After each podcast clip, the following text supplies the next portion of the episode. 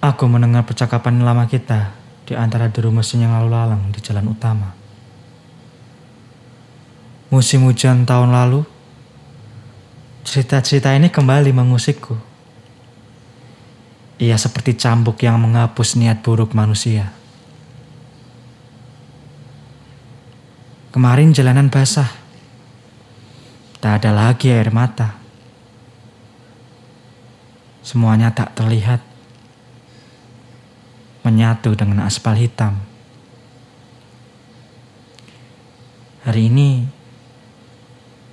aku berada di antara keramaian, seperti perperangan yang tak kunjung selesai, karena konfliknya bahkan belum ditemukan. Kupikir aku bisa berdiri kuat, mendengar semua cerita yang masih basah, atau semua cerita yang menjadi kering semua cerita yang lupa punya Tuhan. Nyatanya aku sama saja. Makin dalam aku merasuki cerita-cerita itu, aku makin tak merasakan diriku sesungguhnya. Saat cerita-cerita itu selesai, lalu pulang pada pemiliknya, aku akan tetap berdiri sendirian, seperti sedia kala. Dan sama sekali tak tahu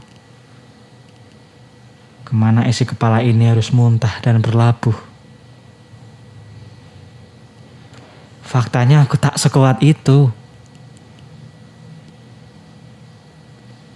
Seperti kamu,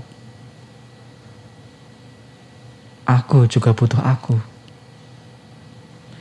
Aku yang dulu. Aku yang semu. Aku yang kini buntu. Semarang 3 Maret 2021 Seorang pria yang mati di antara percakapan kita Syahid Paningrum